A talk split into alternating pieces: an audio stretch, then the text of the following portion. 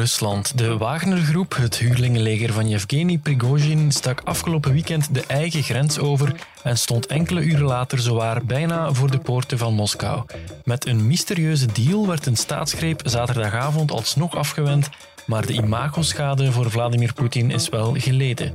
Wat betekent deze vreemde passage voor de positie van de president en wat is de impact op het slagveld? Mijn naam is Dries Vermeulen. Dit is duidelijk. Duidelijk, de morgen. The Russian invasion of Ukraine has taken a strange turn with charges now of an internal coup. There are reports now of columns of Wagner soldiers heading into Moscow. The head of Russia's mercenary Wagner group claims to have captured Russia's military headquarters in the south of the country as he's accused of trying to stage a coup. Russian mercenary rebels appear to have taken control of a second town now as their apparent mutiny gathers momentum. Ja, welkom collega Tommy Thijs van De Morgen. Het was mij het weekendje wel daar in Rusland. Toch met enige voorsprong het meest bizarre hoofdstuk in de oorlog tot nu toe. Met in de hoofdrol de Wagnergroep, uh, ja, het, het Russische huurlingenleger van Prigozhin. Kan je nog eens even samenvatten, wat is daar precies allemaal gebeurd? Uh, wel, wat we afgelopen weekend zagen was eigenlijk een, een, ja, een culminatiepunt van kritiek die, die de Wagnergroep en, en vooral zijn, de baas van de Wagnergroep, Yevgeny Prigozhin, al, al maanden, misschien al zelfs meer dan een jaar, heeft op het Russische ministerie van Defensie. De Wagnergroep is een private huurlingengroep mm-hmm. die eigenlijk niet afhangen van het Russische ministerie van Defensie, maar zij moeten bijvoorbeeld wel wapens, uh, munitie krijgen van dat ministerie. Prigozhin was al maandenlang aan het klagen dat hij niet genoeg wapens kreeg om, om, om te kunnen strijden in, uh, in Oekraïne. Um, en hetgeen wat echt wel de druppel leek geweest te zijn, is het feit dat uh, Rusland of het ministerie van Defensie had gezegd vanaf 1 juli moeten alle private of privésoldaten, private huurlingen, moeten een contract tekenen bij het ministerie van Defensie. Dus ja. dat ze echt onder de staat zouden vallen. Prigozhin heeft daar wekenlang tegen gefulmineerd en gezegd van nee, wij doen dat niet, uh, we zijn onafhankelijk, uh, wij willen dat niet. Mm -hmm. En heel die kritiek op het ministerie van Defensie, ook echt op de minister van Defensie, op Shoigu, mm -hmm. is eigenlijk vrijdag tot ja, ontploffing gekomen, zeg maar, met een beschuldiging van Prigozhin dat uh, een van zijn kampementen in, in, in Oekraïne gebombardeerd uh, was door uh, Russische raketten, volgens hem. Ja, friendly fire, zoals ja, dat dan voilà, heet. Inderdaad. Is dat ook echt waar? Weten we dat? Dat weten we nog altijd niet zeker. Er is één video van verschenen, maar de echtheid daarvan is, is nog niet uh, vastgesteld. Oké. Okay. Maar hoe dan ook, of het waar was of niet, uh, volgens Prigozhin was het waar en voilà. hij heeft daar nogal heftig op gereageerd. Ja, inderdaad. Hij heeft dan eigenlijk ja, de facto het, het ministerie van Defensie van Rusland de oorlog verklaard. Mm -hmm. En is dan vrijdagavond al uh, richting de Russische grens getrokken, richting de stad Rostov aan de Don. Um, die die zaterdagmorgen eigenlijk zonder veel poeha heeft kunnen innemen. Ja. Zonder veel weerstand eigenlijk. De Russische soldaten die daar gelegerd waren, hebben zich totaal niet verzet. Hij heeft daar een aantal gebouwen ingenomen, onder andere echt het commandocentra dat de Russen gebruiken voor de oorlog in Oekraïne, in het oosten van Oekraïne. Mm-hmm. En dan is hij eigenlijk van daaruit verder noordwaarts getrokken, richting Moskou, langs de, de M4-snelweg, geloof ik dat het was. Langs de snelweg ook. Ja, effectief langs de snelweg.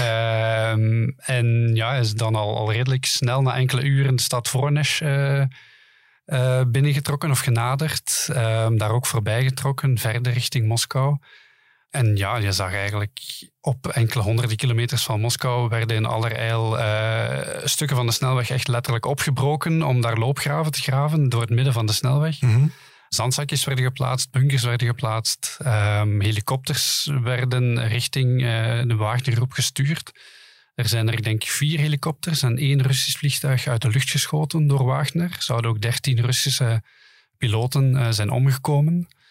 Dus ja, het zag er toch echt wel naar uit dat hij tot aan Moskou zou, zou geraken die avond. Ja, want s ochtends werd nog gezegd, hij zit op duizend kilometer van Moskou. Dat gaat hij niet doen, naar de hoofdstad mm-hmm. trekken. Tegen s'avonds zat hij op 200 kilometer. Ja, ongeveer ja, iets meer dan 200 kilometer, ja. ja. inderdaad.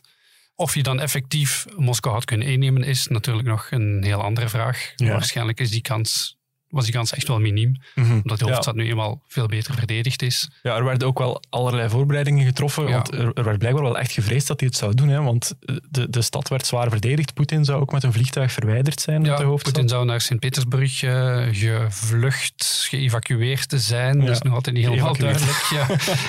Afhankelijk van wie je het vraagt. eh. Maar eh, ja, dan kwam s'avonds plots het bericht dat de opmars eigenlijk ineens was eh, stopgezet. En dat zijn troepen rechtsomkeerd zouden maken, letterlijk dus. Mhm. Vermoed aan de eerstvolgende afrit op de snelweg gedraaid, terug naar het zuiden getrokken. Ja. En ja, er zou een deal gesloten zijn met behulp van de Wit-Russische president Lukashenko, Ja. waarbij dat de Wagner-troepen, volgens Prigozhin 25.000 soldaten, dat ze amnestie zouden krijgen als zij hun eh, opmars naar Moskou zouden eh, stoppen. Ja. En Prigozhin en zijn getrouwen zouden dan ook naar Wit-Rusland kunnen vluchten.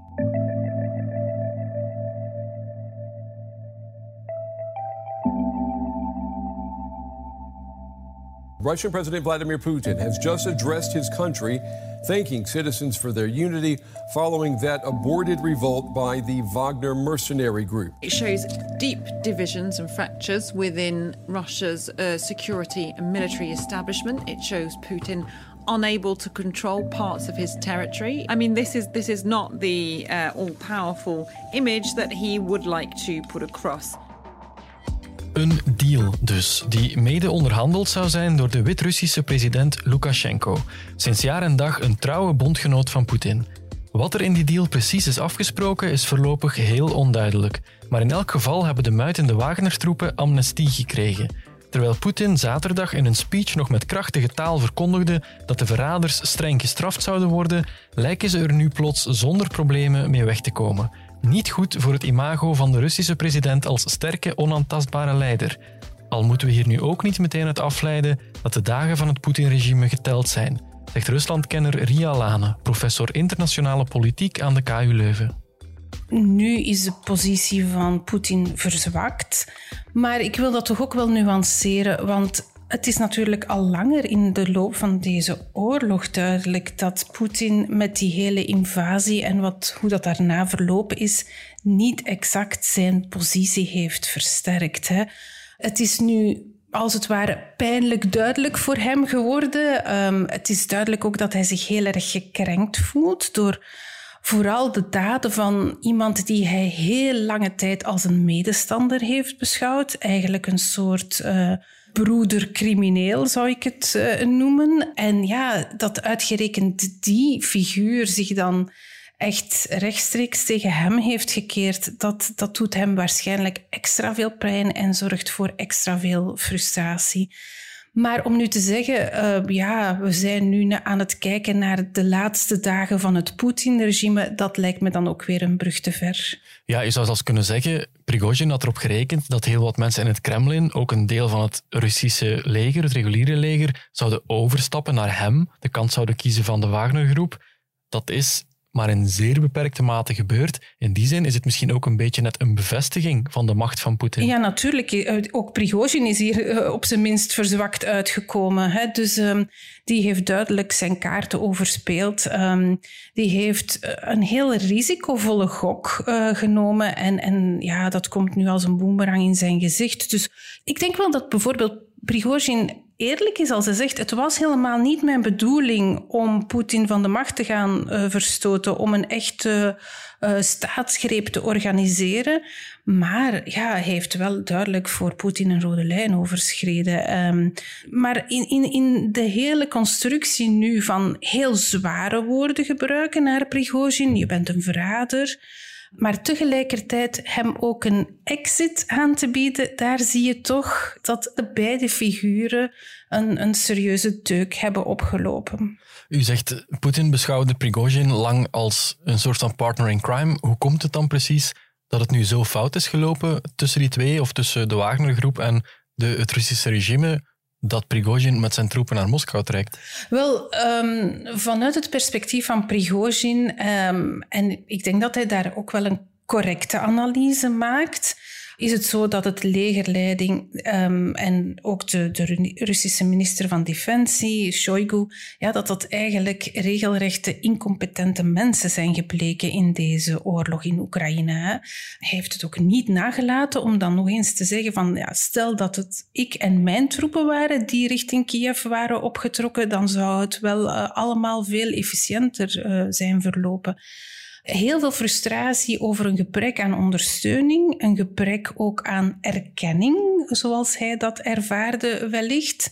Alhoewel die erkenning er, er uh, vooral uh, met de slag om Bakhmut toch wel meer en meer is gekomen een figuur als Prigozhin, die spreekt maar één taal. En dat is de taal van geweld. Dus die, die wist waarschijnlijk niets anders te bedenken. Ik ga hier gewoon met letterlijk mijn troepen achter mij ja, richting het Kremlin optrekken om daar aan de deur te gaan kloppen om bepaalde eisen op tafel te leggen, om die gaan af te dwingen. Want ik vind op een andere manier blijkbaar geen gehoor voor mijn eisenpakket. Dat is hoe ik het allemaal lees. U zei daarnet, ik ben er nog niet zo zeker van dat de dagen van Poetin als president geteld zijn. Hoe stevig zit hij nog in het zadel na heel deze passage? Hoeveel macht heeft hij nog?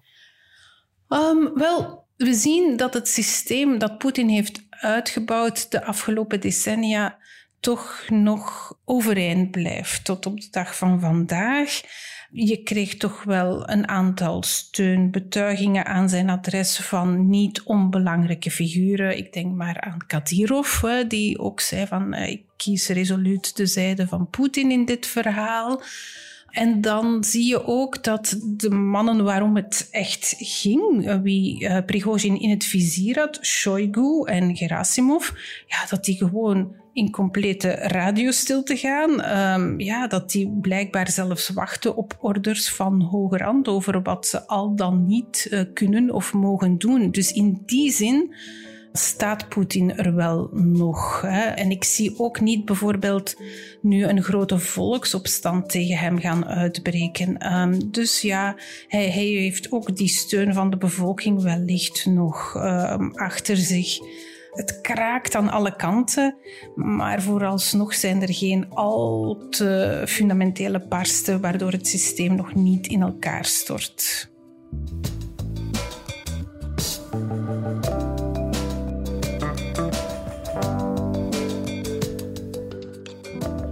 Tommy, Yevgeny Prigozhin kreeg de laatste tijd wel meer en meer praatjes. Dat viel wel al op. Misschien ook niet helemaal onbegrijpelijk, want ja, zijn Wagnergroep was tot nu toe in die Russische oorlog in Oekraïne bijzonder cruciaal. Hè? Ze hebben eigenlijk tot nu toe het grootste deel van het werk verzet. Ja, klopt. Ze zijn eigenlijk de, de enige, zeg maar, die het laatste jaar nog echt uh, overwinningen uh, hebben kunnen behalen. Mm -hmm. um, zijn zij die Bachmoed uh, hebben, hebben ingenomen.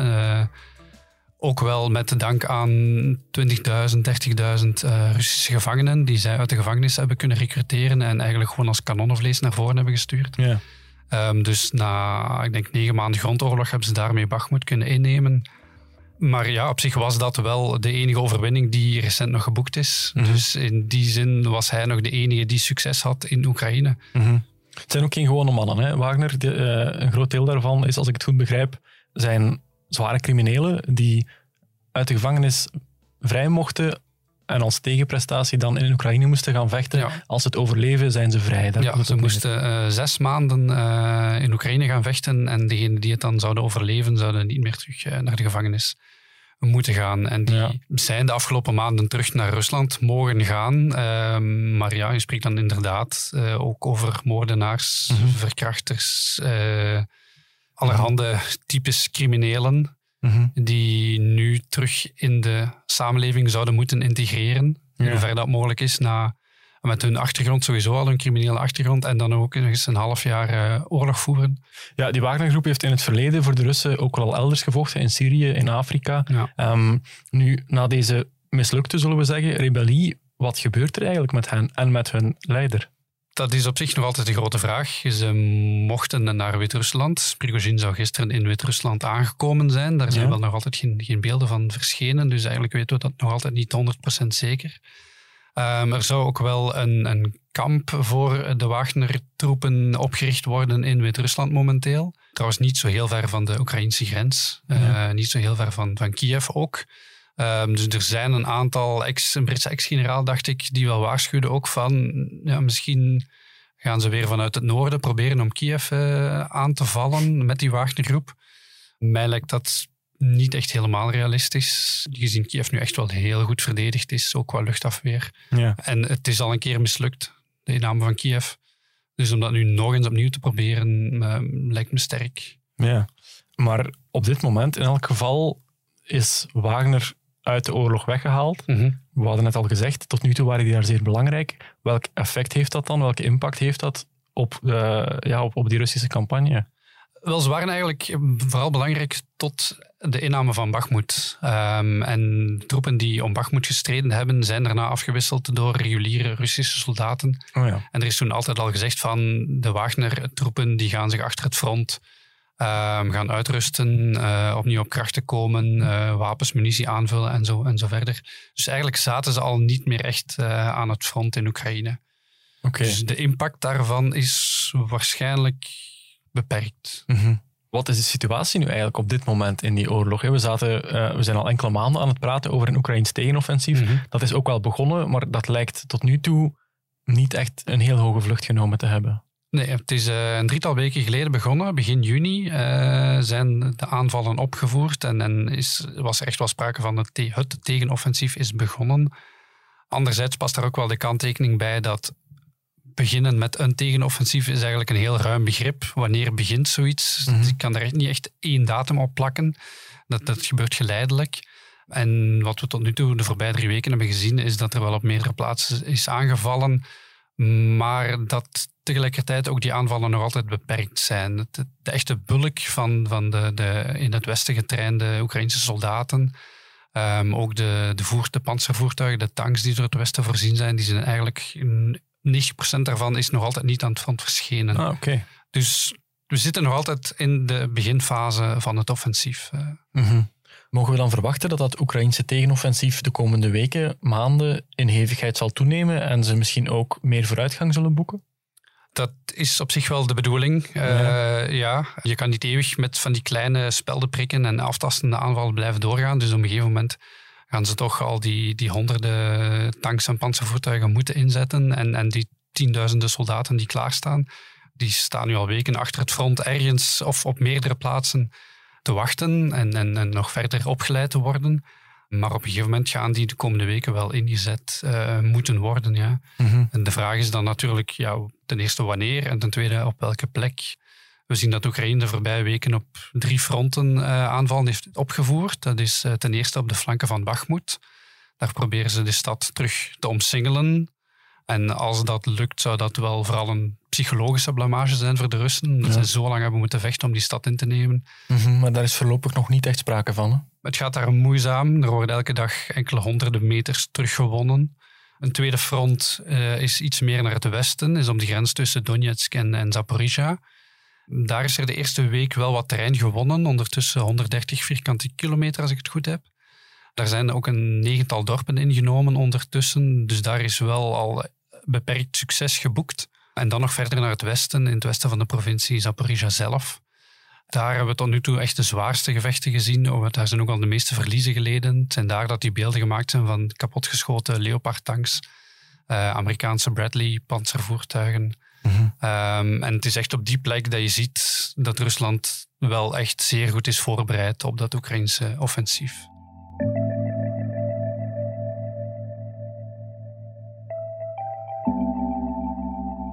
Ukrainian President Volodymyr Zelensky had this message for Putin, claiming the man from the Kremlin is, quote, very afraid and probably hiding somewhere. On social media, Zelensky touted a positive and inspiring conversation today with President Biden, adding that, quote, the world must keep pressure on Putin. Professor Rialane, ik denk als ik het allemaal goed begrepen heb, dat we dan mogen concluderen dat die hele bizarre affaire met de Wagnergroep dat hij de oorlog misschien niet zo dramatisch zal beïnvloeden als velen misschien eerst hadden gedacht. En al zeker niet de hele boel in het voordeel van Oekraïne zal doen kantelen. Ah ja, um, de, de Oekraïners die, die hadden de, de popcorn al laten aanrukken. Hè? Um, maar ja, toch, ik, ik zou hen toch ook willen aanmoedigen om, om niet snel uh, te veel victorie op dat vlak te kraaien. Um, ik denk niet dat dit nu betekent dat deze oorlog uh, snel in, in een definitieve plooi gaat liggen. Misschien zelfs op korte termijn eerder het tegenovergestelde. Als er één vlak is, één domein is waar Poetin ook zal willen duidelijk maken: ik heb alles nog onder controle, ja, dan is het zeker die oorlog in Oekraïne. Dus ja, ik denk dat helaas de burgerbevolking daar nog meer bombardementen op korte termijn uh, moet vrezen. De Wagner-troepen hebben een heel belangrijke rol bijvoorbeeld in Bakhmut uh, gespeeld, maar waren ook de laatste weken toch al een beetje ja, aan, aan de zijlijn geplaatst. Ook weer een, een bron van frustratie voor Prigozhin. Dus ja, ze speelden daar op dit moment niet meer zo'n belangrijke rol. En de vraag is ook hoeveel manschappen waren dat nog? Want daar zijn er ook ontzettend veel van gesneuveld. Hè? Daar heeft Prigozhin het niet zo duidelijk over. Mhm. Hoe denkt u dat Vladimir Poetin, die nu toch weer een extra grote deuk in zijn imago heeft gekregen, u zegt hij zal dat mogelijk uh, uitwerken op de Oekraïners, nog meer dan hij al deed. Hoe denkt u dat hij nog meer kan reageren? Wat, wat zullen zijn volgende stappen zijn? Ik denk dat we naar de gewone bevolking toe in Rusland een nog meer repressief optreden mogen verwachten. En dat ook de Oekraïners het uh, zullen mogen geweten hebben, um, helaas. Hij zal zeker ook een, een heel uh, grondig intern onderzoek doen van om uit te zoeken, waren er hier mensen binnen de Kremlinmuren die misschien overwogen om zich aan te sluiten bij of die steun hebben verleend aan de man die niet mag genoemd worden. Dus dat is zeker iets waar hij prioriteit zal aan eh, verlenen. En wanneer er daar rond eh, bepaalde zaken zouden naar boven komen, dan mogen die mensen ook verwachten dat ze genadeloos afgestraft zullen worden. Dus ik denk ja, een, een nog eh, repressievere Poetin dat we dat mogen verwachten. En een oorlog die voorlopig nog niet voorbij is. Helaas niet, denk ik. Um, want dat nogmaals is zeker iets waar Poetin um, ja, die, die mogelijke schijn van zwakte op alle manieren zal proberen uit te vegen. Oké, okay, professor Ria Lane, hartelijk dank. Graag gedaan. Ik bedank ook mijn collega Tommy Thijs en ik bedank u, beste luisteraar, ook weer om erbij te zijn. Dit was voorlopig de laatste aflevering alweer van Duidelijk. We gaan er even uit voor de zomer, maar niet getreurd. We komen snel weer bij u terug en hopelijk luistert u dan ook weer opnieuw elke donderdag. Geniet van de zomer en heel graag tot snel. Mijn naam is Dries Vermeulen. Dit was Duidelijk.